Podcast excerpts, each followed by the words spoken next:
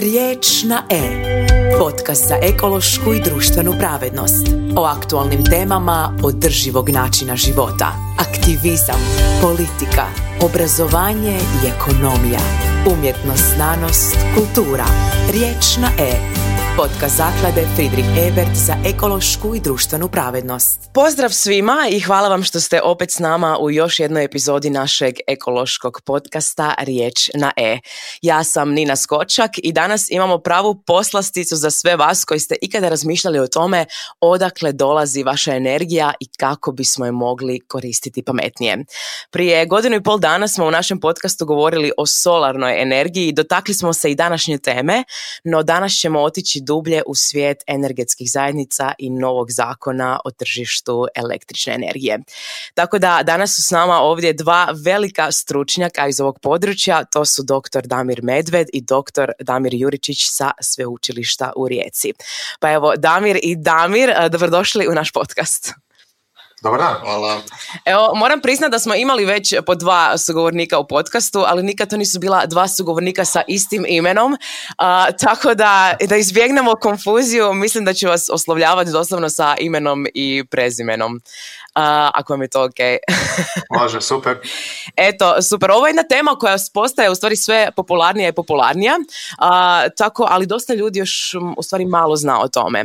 Tako da za početak me zanima da mi objasnite onako laički rečeno, što su stvari to energetske zajednice i imamo li ih mi u Hrvatskoj, kako to uopće funkcionira?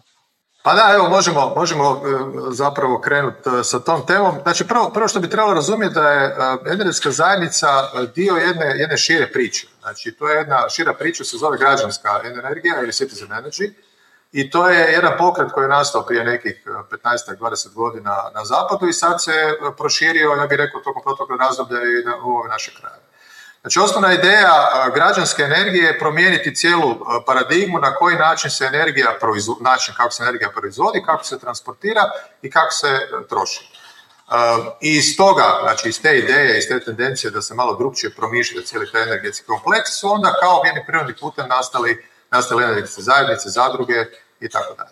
Znači, onda mislim da to sam važno na početku reći, e, tu se radi o jednoj vrlo velikoj i ozbiljnoj promjeni koje, mi trenutno svjedočimo i u kojoj će zapravo energetske zajednice zadruge biti važan, važan kotačić tih promjena. Znači promjena u tome da smo mi do sada, do nedavno imali takozvano centraliziranu proizvodnju i distribuciju energije. Znači imali smo veliku termoelektranu ili hidroelektranu ili nuklearnu elektranu Onda smo imali neke velike transformatore, visoki napon, to je dolazilo do naših kuća, pa je bila ona mala transformatorska stanica, na kraju se to sve skupa završilo našim utičnicama u našim domovima. Dakle, cijeli sustav je bio centralizirano izgrađen, planiran, radilo se velikim, ogromnim točkastim investicijama koje su vodile države ili obično državna poduzeća. Kasnije se to promijenilo, pa je jedan dio negdje privatiziran i tako dalje.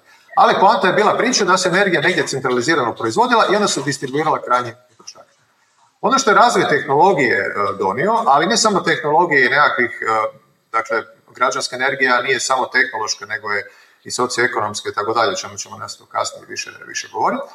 E, priča, dakle, dovela do toga da, recimo, vjetroelektrane, solarne elektrane, baterije i tako dalje omogućavaju potpuno promjenu paradigme. Omogućavaju da mi sada prosječan građanin ili poduzeće u vlastitom aranžmanu, sa vlastitom elektranom na njenom krovu ili ili u dvorištu može proizvoditi električnu energiju i trošiti je samostalno. mm to je ogromna, to recimo prije 30, 40, 50 godina nije bilo moguće ili je bilo moguće u nekoj vrlo maloj mjeri. Iako moram reći, recimo mi ovdje u Hrvatskoj imamo dosta veliku tradiciju, smo imali u predatnom razdoblju, kažem predatno drugi sve prije drugog svjetskog rata, da postoji veliki broj malih elektrana koje su bile hidroelektrane na raznim potocima i slično i one su stvarale energiju, recimo evo mi konkretno u Hrvatskoj imamo u Gorskom kotoru, imate jako puno takvih primjera malih hidroelektrana koje se služe recimo za pogon pilara. Tako da ta priča da se samostalno na nekom malom području nešto proizvodi nije, e, nešto što je nije strana toliko, da. Izmiš, nije strana.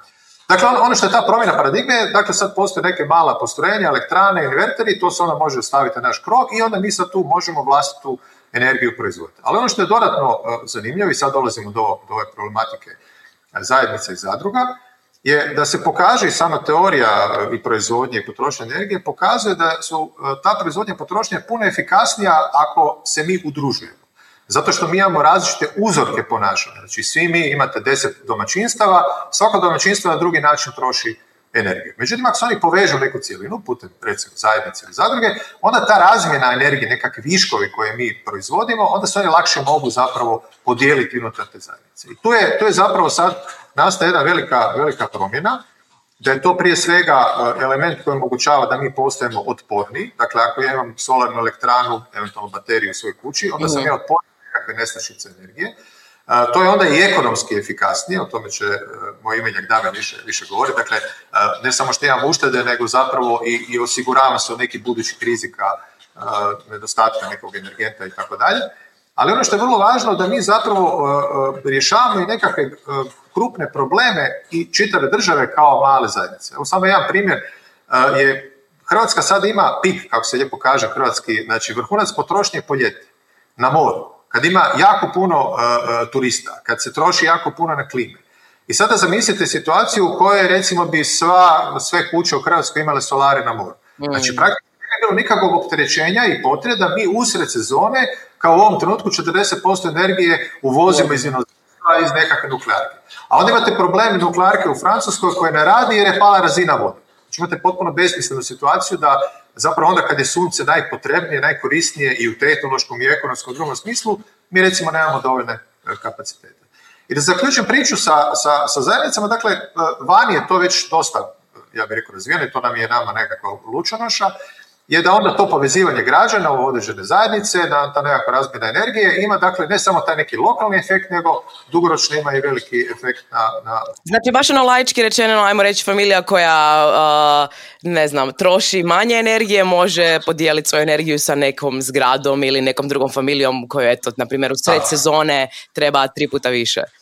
Tako je, znači, evo ja imam taj konkretan slučaj, ja solim na svom krovu, ja imam konstantno čak i sada viškove. Znači, e, i ti viškovi zapravo predajem HEP-u, ali ja bih puno rađe predao svojim zadrugarima ne, ili mm. svojim, e, svojim. Nažalost, to do kraja nije e, o tome ćemo kasnije govoriti, da znači nije to do kraja zakonski sve uređeno, ali recimo to bi bilo puno. Ja bih rađe podijelio to sa svojim susjedom ili sa ne znam nekom, nekim kome to treba, pa čak i besplatno, možda bi nekom dao nekom koje je ili nema, ne može platiti to je jedna druga dimenzija i socijalna i tako dalje.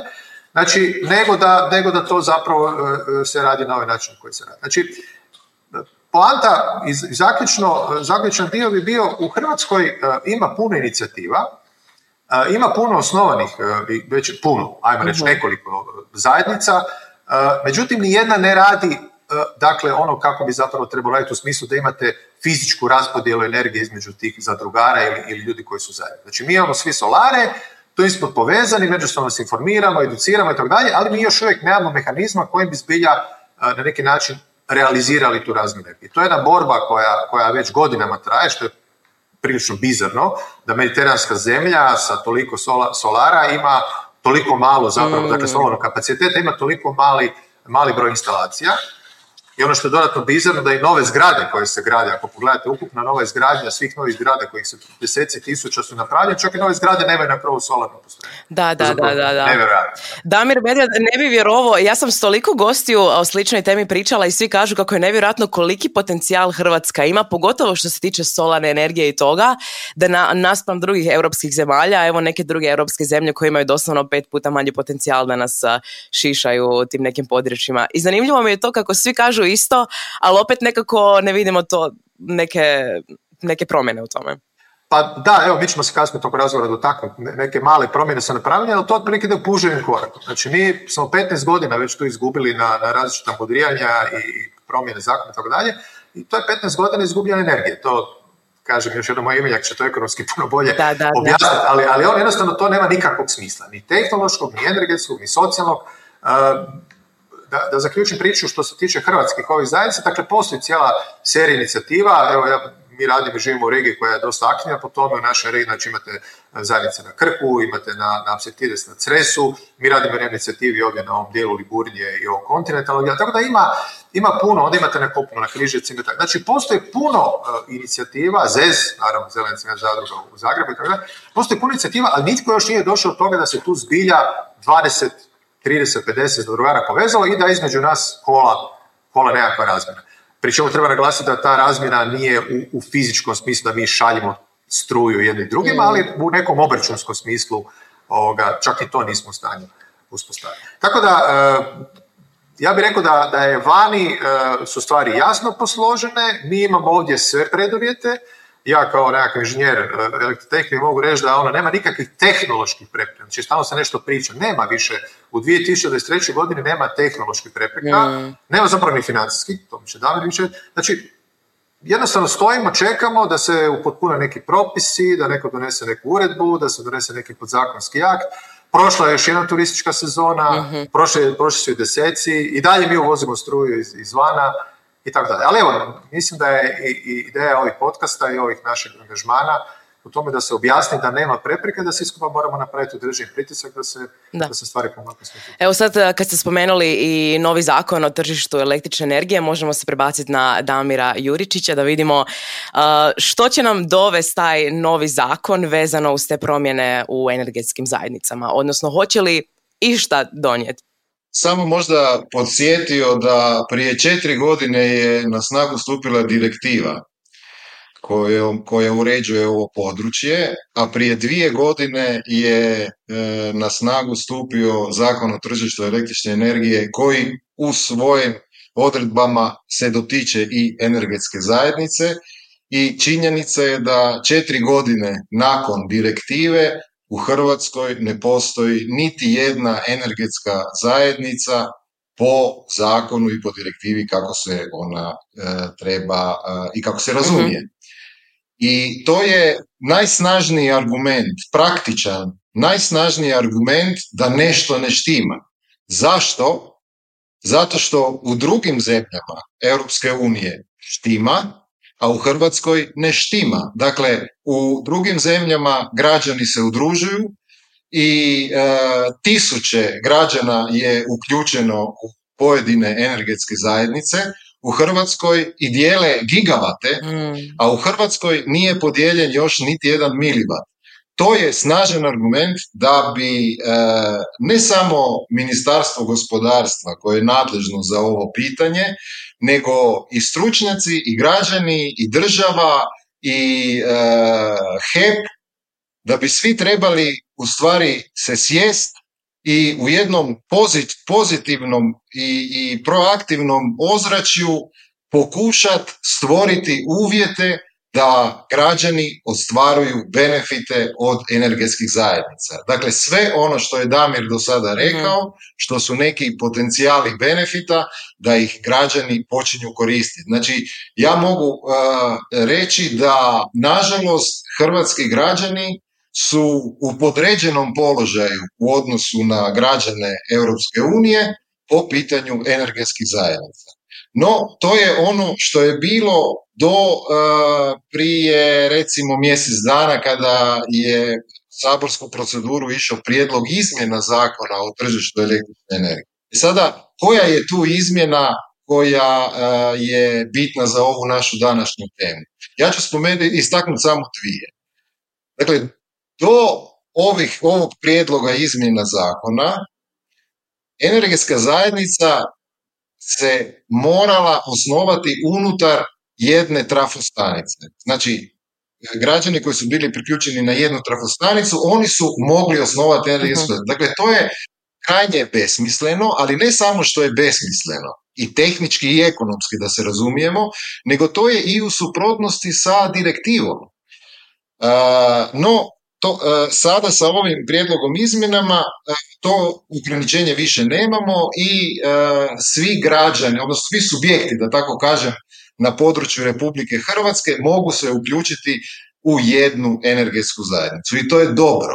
Znači to je pozitivna izmjena u kojoj su doista svi, svi koji se i, na, i malo razumiju ovu područje su isticali kao nužnu promjenu. Drugu izmjenu koju bi istaknuo je, je, je negativna, a ona, je, ona se odnosi na ograničenje da jedna energetska zajednica može imati instalirani kapaciteta do 500 kW. To je, zašto je to negativno? Negativno je zato što ako nigdje onda u energetskoj zajednici snažno djeluje takozvana ekonomija obojma. Što je veća energetska zajednica, to je jedinični trošak članova koji su u toj energetski zajednici manji. I sada mi povećavamo broj članova, taman kada počnemo e, koristiti taj učinak ekonomije obojma i smanjenje jedinične cijene, jediničnog mm. troška, e, svega onog što se događa u energetskoj zajednici, mi sada moramo prekinuti i osnovati novu energetsku zajednicu. Znači, to je iz, e, možda kada gledate iz tehničkog e, motrišta to nije neki značajan čimbenik, ali kada gledate iz ekonomsko-financijskog motrišta onda je to jako, jako bitan čimbenik. Znači to će možda biti e, onaj element koji će najsnažnije doprinositi odluci o tome hoćemo li se udruživati u energetske zajednice ili nećemo. Hoće li u toj energetskoj zajednici biti samo entuzijasti kao što se sada samo entuzijasti, nažalost, bave energetskim zajednicama, ili će e, koristi od energetske zajednice e, podijeliti najširi krug građana, poduzeća, gradova, općina i ne znam, ne znam kojih sve još mogućih subjekta. Dakle, to je ono što nam je ova nova izmjena, izmjena e, donijela i zbog ove druge imamo velikih povoda da se sjednemo i razgovaramo o tome. Mhm. E, no, ono što je još važnije, a to su otvorena pitanja. Znači, mi imamo više otvorenih pitanja koja nisu sada sa ovim izmjenama i dopunama e, uređena i to je e, to su goruće stvari koje su sada pred nama da bi bili u poziciji građana kao i građani u Europskoj uniji po pitanju energetskih zajednica. Ja ću istaknuti samo četiri možemo ići dublje u, u njih, ali mislim da je važno to samo naglasiti. Prvo, mhm. nismo riješili pitanje naknade za korištenje distribucijske i prenosne mreže. Damir je prije rekao da kod energetskih zajednica, kod dijeljenja energije, odnosno kod takozvanog dijeljenja energije, nema fizičkog dijeljenja, nema tu kretanja elektrona od e, člana A do člana B, nego mi u stvari dijelimo podatke. Podatke o tome koliko je proizvedeno, koliko je potrošeno energije, kolika je protok energije u odnosu na mrežu između energetske, između članova energetske zajednice. Znači, činjenice je da postojanjem energetskih zajednica i dijeljenjem energije unutar energetske zajednice mi globalno manje opterećujemo uh, ovoga prijenosne distribucijsku mrežu. Mhm. Međutim, ja držim da ima smisla plaćati naknadu i za jednu i za drugu mrežu, međutim, isto tako držim da bi cijene koje budu članovi plaćali, da bi trebale biti poticajne. Zašto poticajne? Zato što potičući udruživanje građanja u energetske zajednice, pozitivno djelujemo na cijeli elektroenergetski sustav Republike Hrvatske. Znači, više energetskih zajednica, više članova u energetskoj zajednici, manje opterećenje na elektroenergetski sustav, manje potrebe za uvozom, to su sve financijski mjerljivi benefiti koji bi mogli stajati u podlozi poticajnih cijena e, korištenja distribucijske i prenosne mreže. Druga stvar je pitanje dijeljenja energije, ključa dijeljenja. U sadašnjem propisu stoji da energetska zajednica mora dati fiksni ključ po kojem se dijeli energija. I to je nemoguća misija. Znači, ako ostanemo na ovakvoj formulaciji, nećemo imati energetske zajednice. Zašto? Mm. Zato što iz sekunde u sekundu mi imamo različite odnose između članova energetske zajednice koje na različite načine tijele e, viškove i manjkove energije. Znači to mora biti jedno dinamičko rješenje ali softverski posloženo na način da energetska zajednica daje izvještaj HEP-u o tome koji, ko, kako su članovi međusobno dijeli. Znači to je jedno, jedno pitanje koje svakako moramo e, riješiti. Treća stvar koja možda nije toliko bitna, jer onako e, oportuno možemo prihvatiti e, tumačenje Ministarstva gospodarstva u zadnjoj komunikaciji sa javnosti, da zadruge nisu prihvatljivi pravni oblik za energetsku zajednicu. Znači, ne možemo imati, odnosno za ministarstvo gospodarstva je neprihvatljivo imati energetsku zadru. Prihvatljivo bi bilo imati energetsku udrugu. Zašto? Mhm.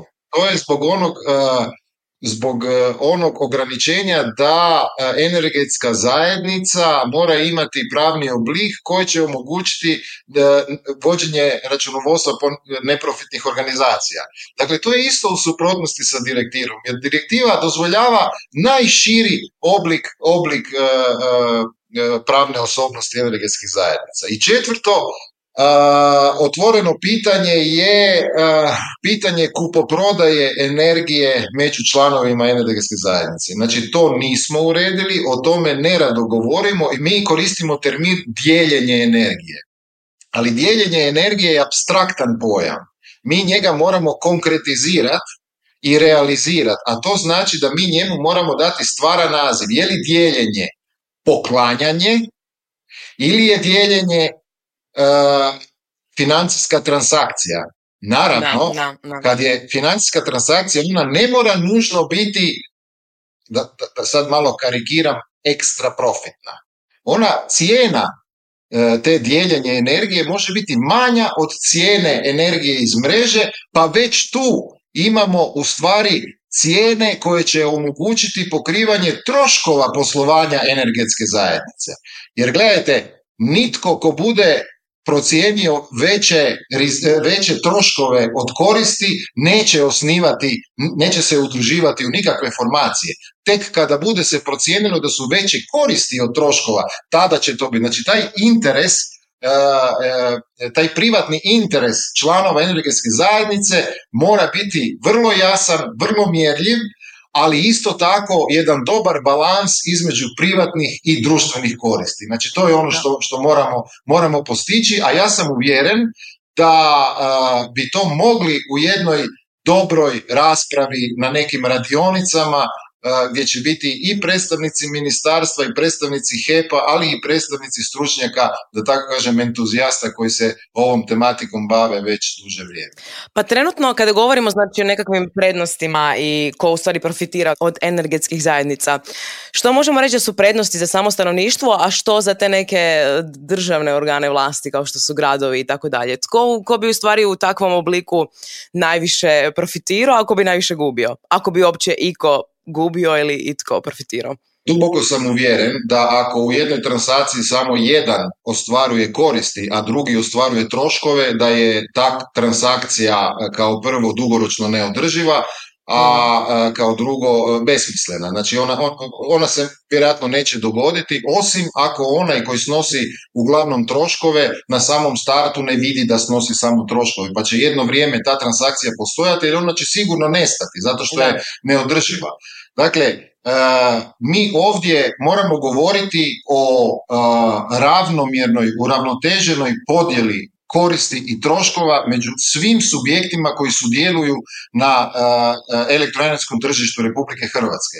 Znači, moramo imati koristi i za državu, i za gradove, i za građane, i za poduzeća, i za institucije u vlasništvu e, mm. gradova i općina i države. Znači moramo imati podijeljene te, e, te koristi i troškove, odnosno to se obično kaže neka win-win situacija. Dokle god nemamo takvu situaciju, mi nećemo imati održivo dobro tržište e, energetskih zajednica u Republici Hrvatskoj i tome trebamo težiti. No, pojedinačno, kad govorimo o koristima za građane, to je prije svega, ono što je Damir isto prije spomenuo, to je manja cijena energije. Ja ću sada, nemojte me e, držati baš e, za, za brojku, ali ako je cijena električne energije iz mreže jednu kunu po kilovat satu, da zaokružim, a cijena električne energije iz fotonaponskog postrojenja 60 lipa, onda mi tu mm. imamo 40% veću korist koristiti električnu energiju iz fotonaponskog postrojenja, znači to je mjerljivo. Druga stvar što je za mene osobno puno značajnije od te smanjene cijene, jer i tako i tako cijena električne energije iz mreže je previše niska i ona u stvari destimulira intenzivnije u fotonaponskih postrojenja mm. eh, na krovove građana. Puno važnija stvar je što kada mi jedanput napravimo fotonaponsko postrojenje i formiramo energetsku zajednicu sa uravnoteženim odnosom oni koji proizvode i oni koji troše, mi cijenu od 60 lipa imamo sljedećih 25 godina. Hmm. Znate, to je zaštita od rizika povećanja cijene. Svaki građanin neka sam procijeni koliko je vjerojatno da će cijena električne energije iz mreže biti sljedećih 25 godina jednu kunu. Znači to neka svako sam procijeni. Ja osobno u to ne vjerujem. Dakle, taj, ta zaštita od rizika povećanja cijena je isto e, vrlo, vrlo važan, uh, važan fakt. Naravno, e, kako vrijeme ide, tako to postaje sve bitnije i bitnije, a to je doista doprinos očuvanja okolišu i zaštita cijelog društva od rizika štetnih posljedica klimatskih promjena. Znači to svjedočimo već danas i to postaje izuzetno važan, važan čimbenik. I e, možda još, jedan, još, još jednu korist za građane, to su neki, vraćam se sada na ono prijašnje, prijašnje pitanje, a to su neki dodatni prihodi od e, dijeljenja energije. Znači, ako imam članove e, svojoj energetskoj zajednici koji nemaju mogućnost proizvesti energiju i nemaju mogućnost skladištiti energiju, to će biti takozvani pasivni članovi energetske zajednice ja mogu imati interes njemu prodavati moju energiju po 80 mm. lipa, on ima interes kupovati moju energiju po 80 lipa koja je 20% jeftinija nego energija iz mreže, ja ću ostvariti neki benefit jer 80 lipa mi je više od 60 lipa koliko mi je jedinična cijena električne energije i mi tu imamo zatvorenu ekonomiju energetske zajednice. Znači, e, e, doista ne vidim zašto se bojimo da članovi zajednice kupoprodaju energiju, da, da to dijeljenje nazovemo imenom jedne financijske transakcije. Dakle, to ne Za gradovi i općine također imaju, imaju koristi. Prije svega, isto kao i za građane. Manja cijena električne energije za E, njihove zgrade e, za njihovu potrošnju i potrošnju institucija koje su u vlasništvu e, gradova, općina pa i, pa, pa i države. Znači, druga stvar je veća samodostatnost, znači dostupnost energije i gradovi pomoću energetskih zajednica mogu doprinijeti smanjenju takozvanog energetskog siromaštva. Znači mogu uključiti građane koji, kojima je i ova energija iz mreže od jednu kunu previše da im energija bude dostupnija po, po, po boljoj cijeni. I to je važna, ta, to je taj jedna socijalna dimenzija koju provodi javni sektor. Znači, njima bi to trebalo doista biti u, u, interesu. I pogotovo gradovi u turističkim regijama. Njima je važno razvijati imidž zelenog grada.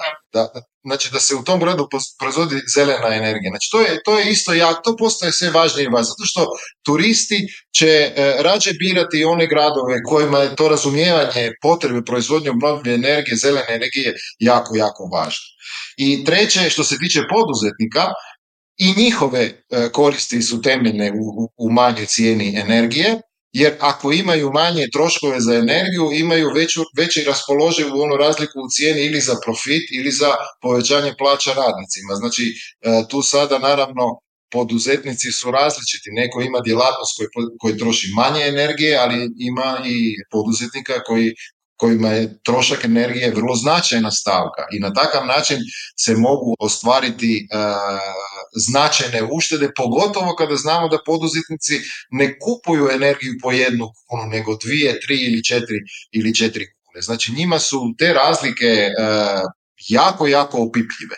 I još jedna stvar što se tiče poduzetnika, e, doista je danas važno koliki je karbonski e, otisak, u vašem proizvodu. Znači prodaja proizvoda sa manjim ugljičnim otiskom je e, danas e, bitna i ono što sam ja primijetio nekim projektima su se već počeli tražiti certifikati o tom ugljičnom otisku. Dakle, ja sam naveo samo neke benefite i proizvodnje obnovljive energije i energetskih zajednica. Međutim, ima ih još puno. Meni vam se čini kao da, da su ljudi često kod nas razmišljaju na način, mislim, uh, od kad postoji struja električna energija, nekako je država preuzela to na sebe i teško je kao prešaltati se ljudima na nekakav drugi način uh, razmišljanja.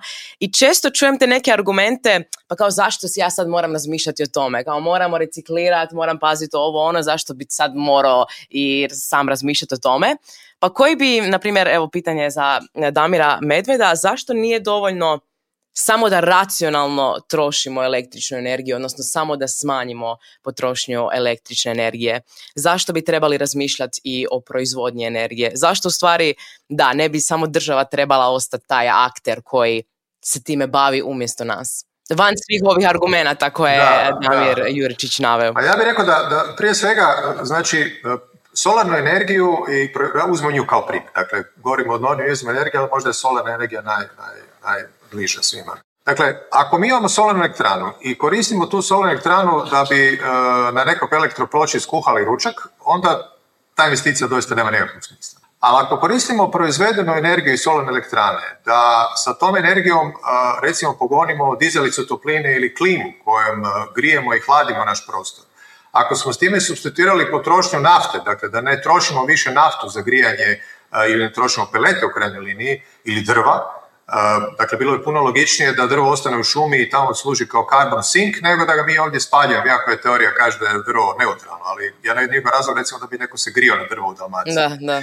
Dakle, ako to tako pogledamo, ako pogledamo da e, solarnom energijom punimo recimo elektroautomobile, ako imate elektroautomobil, ja recimo sam evo sretni vlasnik e, malog twinga, e, električnog vozila, od kad imam već od dvije godine, e, dakle ja više nemam troška za fosilna goriva. Znači jednostavno sa višak energije tokom dana koji se proizvede, jednostavno se napuni, napuni se taj auto, ja ga praktički cijelo vrijeme vozim, nećemo reći zabadava, ali sigurno jedan puno manji utrošak energije. Kada to povežemo zapravo je sa tim, opet sa zajednicama gdje postoje puno veća fluktuacija, viškovi, manjkovi i tako dalje, onda zapravo e, e, i kroz jednu integralnu sliku gledate i vidi se da taj carbon footprint svih nas se može radikalno smanjiti. Znači, kroz mm. onaj dio koji je možda najveći, dakle, zagrijavanje i hlađenje naših domova, pa preko ovog konteksta transporta, konteksta u krajnjoj liniji i, skladištenja hrane i tako dalje. Znači sve te nekakve stvari se prelaskom na, na eh, obnovljivu energije mogu radikalno smanjiti taj trošak, a može se zapravo radikalno smanjiti taj oblični otisak što je nama svima eh, eh, u interesu, mora biti u interesu. Jer sad je potpuno jasno osim nekoliko ono climate da, da smo zbilja zakuhali on startom se rekla mhm, u fizičkom mhm. smislu i tu sad neki koraci E, se bitno moraju, e, hitno se moraju poduzeti. A ovaj najlakša, najlakša metoda kako smanjiti ugljični otisak je naravno promijeniti tip energenta i druga naravno raditi na tome da naše kuće, objekti i slično budu dobro izolirane, što je jedna, jedna, jedna posebna tema. Ja bih rekao to je možda jedna od stvari koje se u Hrvatskoj čak i pogotovo u nekim većim gradovima poput Rijeke se zapravo jako dobro i puno toga se i napravilo. Dakle, prvi korak je smanjiti utrošak energije u smislu boje izolacije i tako dalje, a drugi je zapravo promijeniti tip energenta u onaj energent koji je zapravo svima dostupan i, i, i, i dakle, najefikasniji. Sad ono što mi zapravo često govorimo kad ljudi pitaju na ovim našim predavanjima i na radionicama, ljudi pitaju koji su to koraci koji bi trebao nekako građanin napraviti pa prvi korak je zapravo, e, i to svima savjetujemo, e, što je danas vrlo jeftino, pretvoriti vašu kuću u pamet. Dakle, e, uvesti metodu mjerenja potrošnje energije, da dobijete zapravo jasnu informaciju kakve točno potrošače imate, koliko oni energije troše i tako dalje, onda vam je to jedan dio koji je prvi korak zapravo u nekom planiranju, ali kasnije u eksploataciji, zato što pametna kuća može se dinamički prilagođavati. Evo ovaj je moj primjer koji ću vam navesti. Dakle, moj auto se puni onoliko koliko ima struje koja proizvede solarna elektrana. Kad solarna elektrana proizvodi malo manje mm. struje, onda se on malo manje puni. Znači, takva je stvar satapirana da on ne, uzima višak struje za punjenje iz mreže. Nego jednostavno koliko, ima, koliko proizvodi solar, toliko se on puni. To je, dakle, A to To je zanimljivo. to je, zanimljivo. Pa dakle, dakle, moderne tehnologije koje su danas, evo, možemo i praktički u trgovačkom lancu kupiti da nikoga ne reklamiramo sad, ali imate fini komplet za vaš, pretvoriti e, vašu kuću pametno, recimo 100-200 eura košta, što više nije nekakva, nekakav, poseban novac. E, dakle, kad kroz to mjerenje utvrdimo gdje imamo, e, gdje nam je potrošnja, kad imamo proizvodnju energije, onda možemo imati i treći korak, a to je aktivno upravljanje. Znači, od jedna velike stvari koje se danas događaju je promjena paradigme. Znači, mi smo prije imali situaciju kod ovih velikih centraliziranih sustava, imali ste zapravo da je kada vi upalite vaš, da kažem, kad se upali nekako trošilo, onda taj generator tamo na nekoj drugoj strani e, proizvođača, on malo jače zavrti i proizvede malo više struje. Dakle, na neki način, na neki način je ta potrošnja je u principu e, bila, dakle, proizvodnja bila generiranja potrošnje. Mi smo rekli kad mi upalimo, onda mora se biti uvijek dovoljno struje. I to je jedan, jedan veliki izvor neefikasnosti sustava, odnosno većeg troška. Vi stalno morate imati nekakve ogromne resurse na raspolaganju. Promjena tehnologije pametne kuće, pametno upravljanje, pametna električna trošila i tako dalje, omogućava da se okrene ta paradigma. Da se mi malo prilagodimo, da mi zapravo trošimo onda kada energije zapravo ima. Sad ljudima to djeluje malo čudno kako sad mi se trebamo prilagođavati tome, ali ovaj moj primjer sa autom je vrlo jednostavan primjer. Mi kod kuće isto imamo jednu situaciju, ono, to su sve praktični primjeri, dakle perilica suđa, perilica za, za robu, E, sušilice i tako dalje. One su prije 3, 4, 5 godina radile po noći. Jer je po noći bila jeftina energija i onda se to po noći upalilo i onda je to po noći fino rondalo nama po stanu jer smo trošili e, e, dakle, jeftinu energiju za, za te stvari. Danas je potpuno suprotno. On i ta sva tehnologija radi usred dana. Dakle, meni je povoljno da se pere roba, suši, ne znam, sve živo što se mm. odrađuje, puni auto, usred dana kada ja imam zapravo maksimalnu proizvodnju energije. A tehnologija to omogućava. Dakle, drugim riječima, e, e, e, sad je taj prijelazak, ja bih rekao, neke stvari možda prije 15, 20, 30 godina nisu moguće, ali danas je ta simbioza između pametne kuće i pametne proizvodnje energije više nije opcionalna nego ono što kaže hrvatski mandator, obavezno.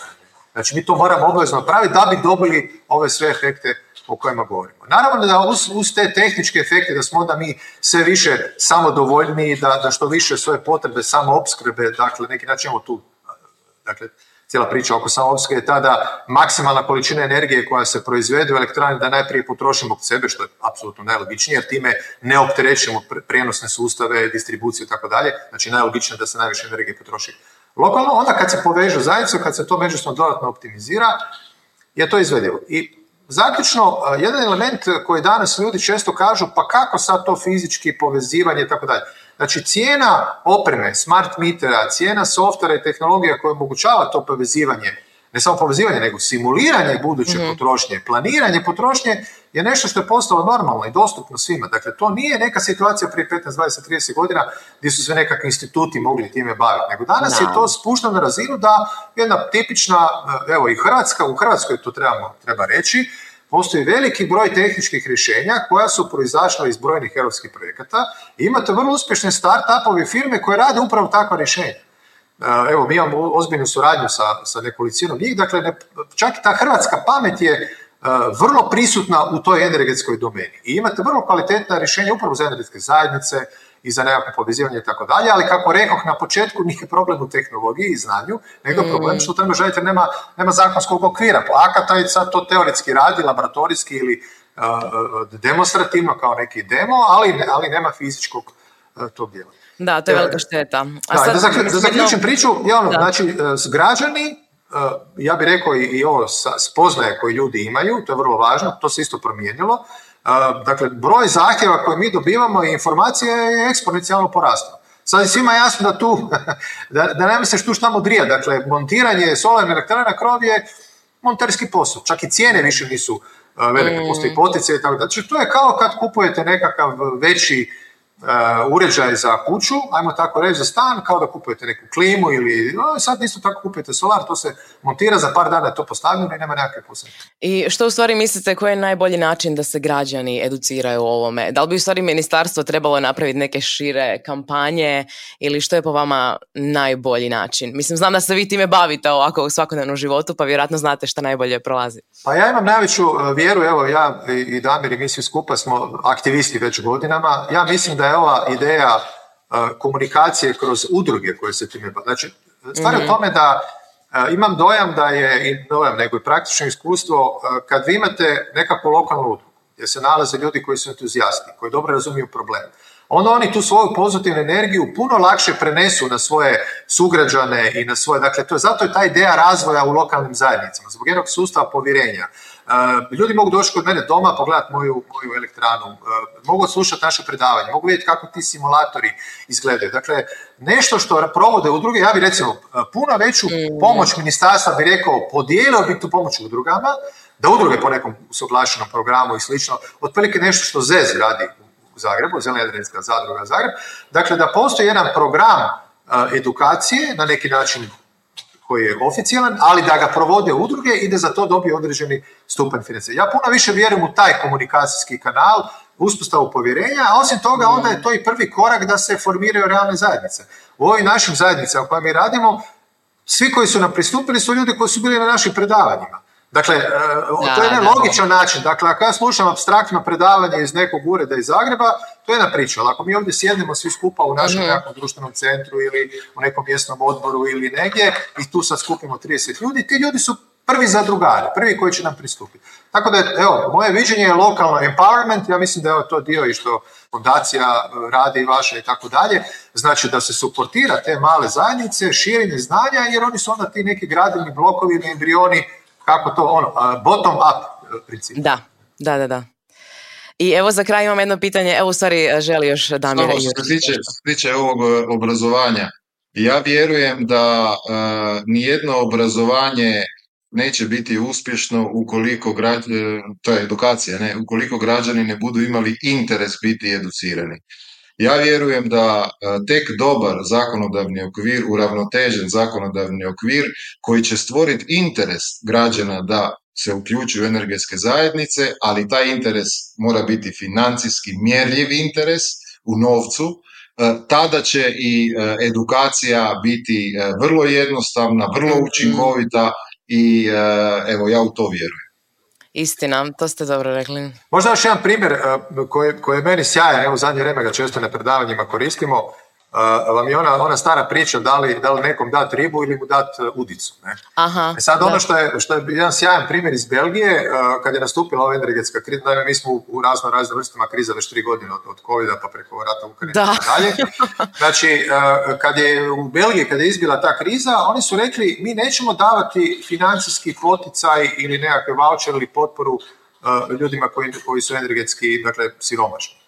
Mi ćemo njima, najprije ćemo ih educirati, da postave solare, oni će postaviti solare na svoje krovove i oni će se, mi ćemo im pomoći da se oni povežu u zajednicu. Znači, time, time zapravo mislim da dobiju jednokratnu promoć ili, ili, ili kroz neko vremensko razdoblje, oni su riješili puno stvari. Prvo, ti ljudi su zapravo dobili priliku da nešto rade, dakle, to su neke zajednice gdje je možda bila nezaposlenost i slično. Oni su dobili priliku da oni budu ti montažeri i neko ko na tome radi. Drugo, oni su dugoročno, ovo što je Damir spomenuo, kad smo jedanput postavili solare na zgradu gdje žive siromašni, već pa rečeno, građani, mi smo za 25 godina njima riješili taj problem, da oni dobivaju energiju koja koja je puno bolja i dakle jeftinija ili ekonomski prihvatljiva znači. I treća stvar, e, to stvara mogućnost nekako dugoročnog i biznisa, jer ti solari zapravo to treba održavati, treba popravljati, treba to nadzirati i tako dalje.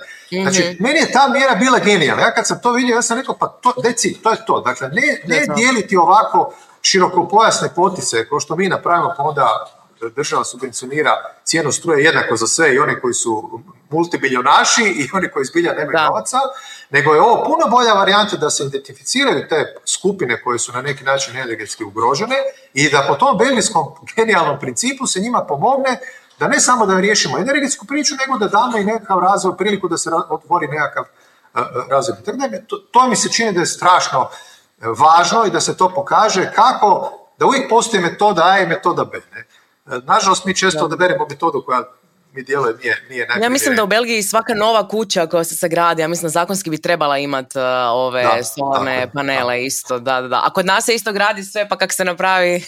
Pa to je skandal, ono što sam rekao na početku danas, e, meni je potpuno nevjerojatno da se napravi 30-40 e, tisuća novih objekata, od kojih 0,01% ima solarne, solarne elektrane. To, pa to, to, je nemoguće, dakle, to, to nema smisla. Mi inače imamo Eh, evo držimo neke radionice i predavanja za društvo arhitekata i slično, gdje upravo ukazujemo da, to, da su oni prvi, znači naravno investitori, ali arhitekti moraju ljudima reći, pa čekajte kad se radi taj krov, kad projektiramo tu kuću, pa neka bude odmah ta elektrana kako se kaže, ugrađena, embedirana, pa dajmo odmah u, tom dizajnu, jer najveći trošak vam je naknadno nešto raditi. Ali kad, već, se već nešto radi, zašto taj krov ne bi imao odmah na sebi? To je baš lagano, to je easy onda na početku. Da, Svi, svi znamo, kopanja, naknada su problem. Dakle, to bi odmah, da ne kažem da bi to dodatno opet, još dodatno smanjilo trošak uh, uh, koje već danas nije prevelika, a to bi još dodatno smanjilo te troškove i evo za kraj imam jedno pitanje za obojicu, čisto, da mi kratko odgovorite vezano u sve ovo što smo pričali danas.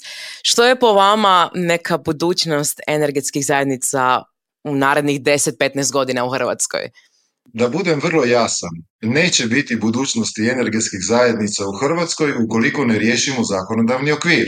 Zato za kraj ovog vrlo interesantnog e, razgovora, ja sam doista uživao u njemu, e, ja bi iskreno, znači bavio bi se tim te nula, početkom. Iskreno bi zamolio Ministarstvo gospodarstva Republike Hrvatske da napravi nekoliko radionica, da razgovara sa ljudima koji se dotiču energetskih zajednica i da zajednički eh, doprinesemo u stvari jednom ravnotežnom zakonodavnom okviru koji će e, omogućiti da građani i svi subjekti pronađu interes uključiti se u energetske zajednice, a taj interes će pronaći i država, taj interes bi trebao pronaći i HEP.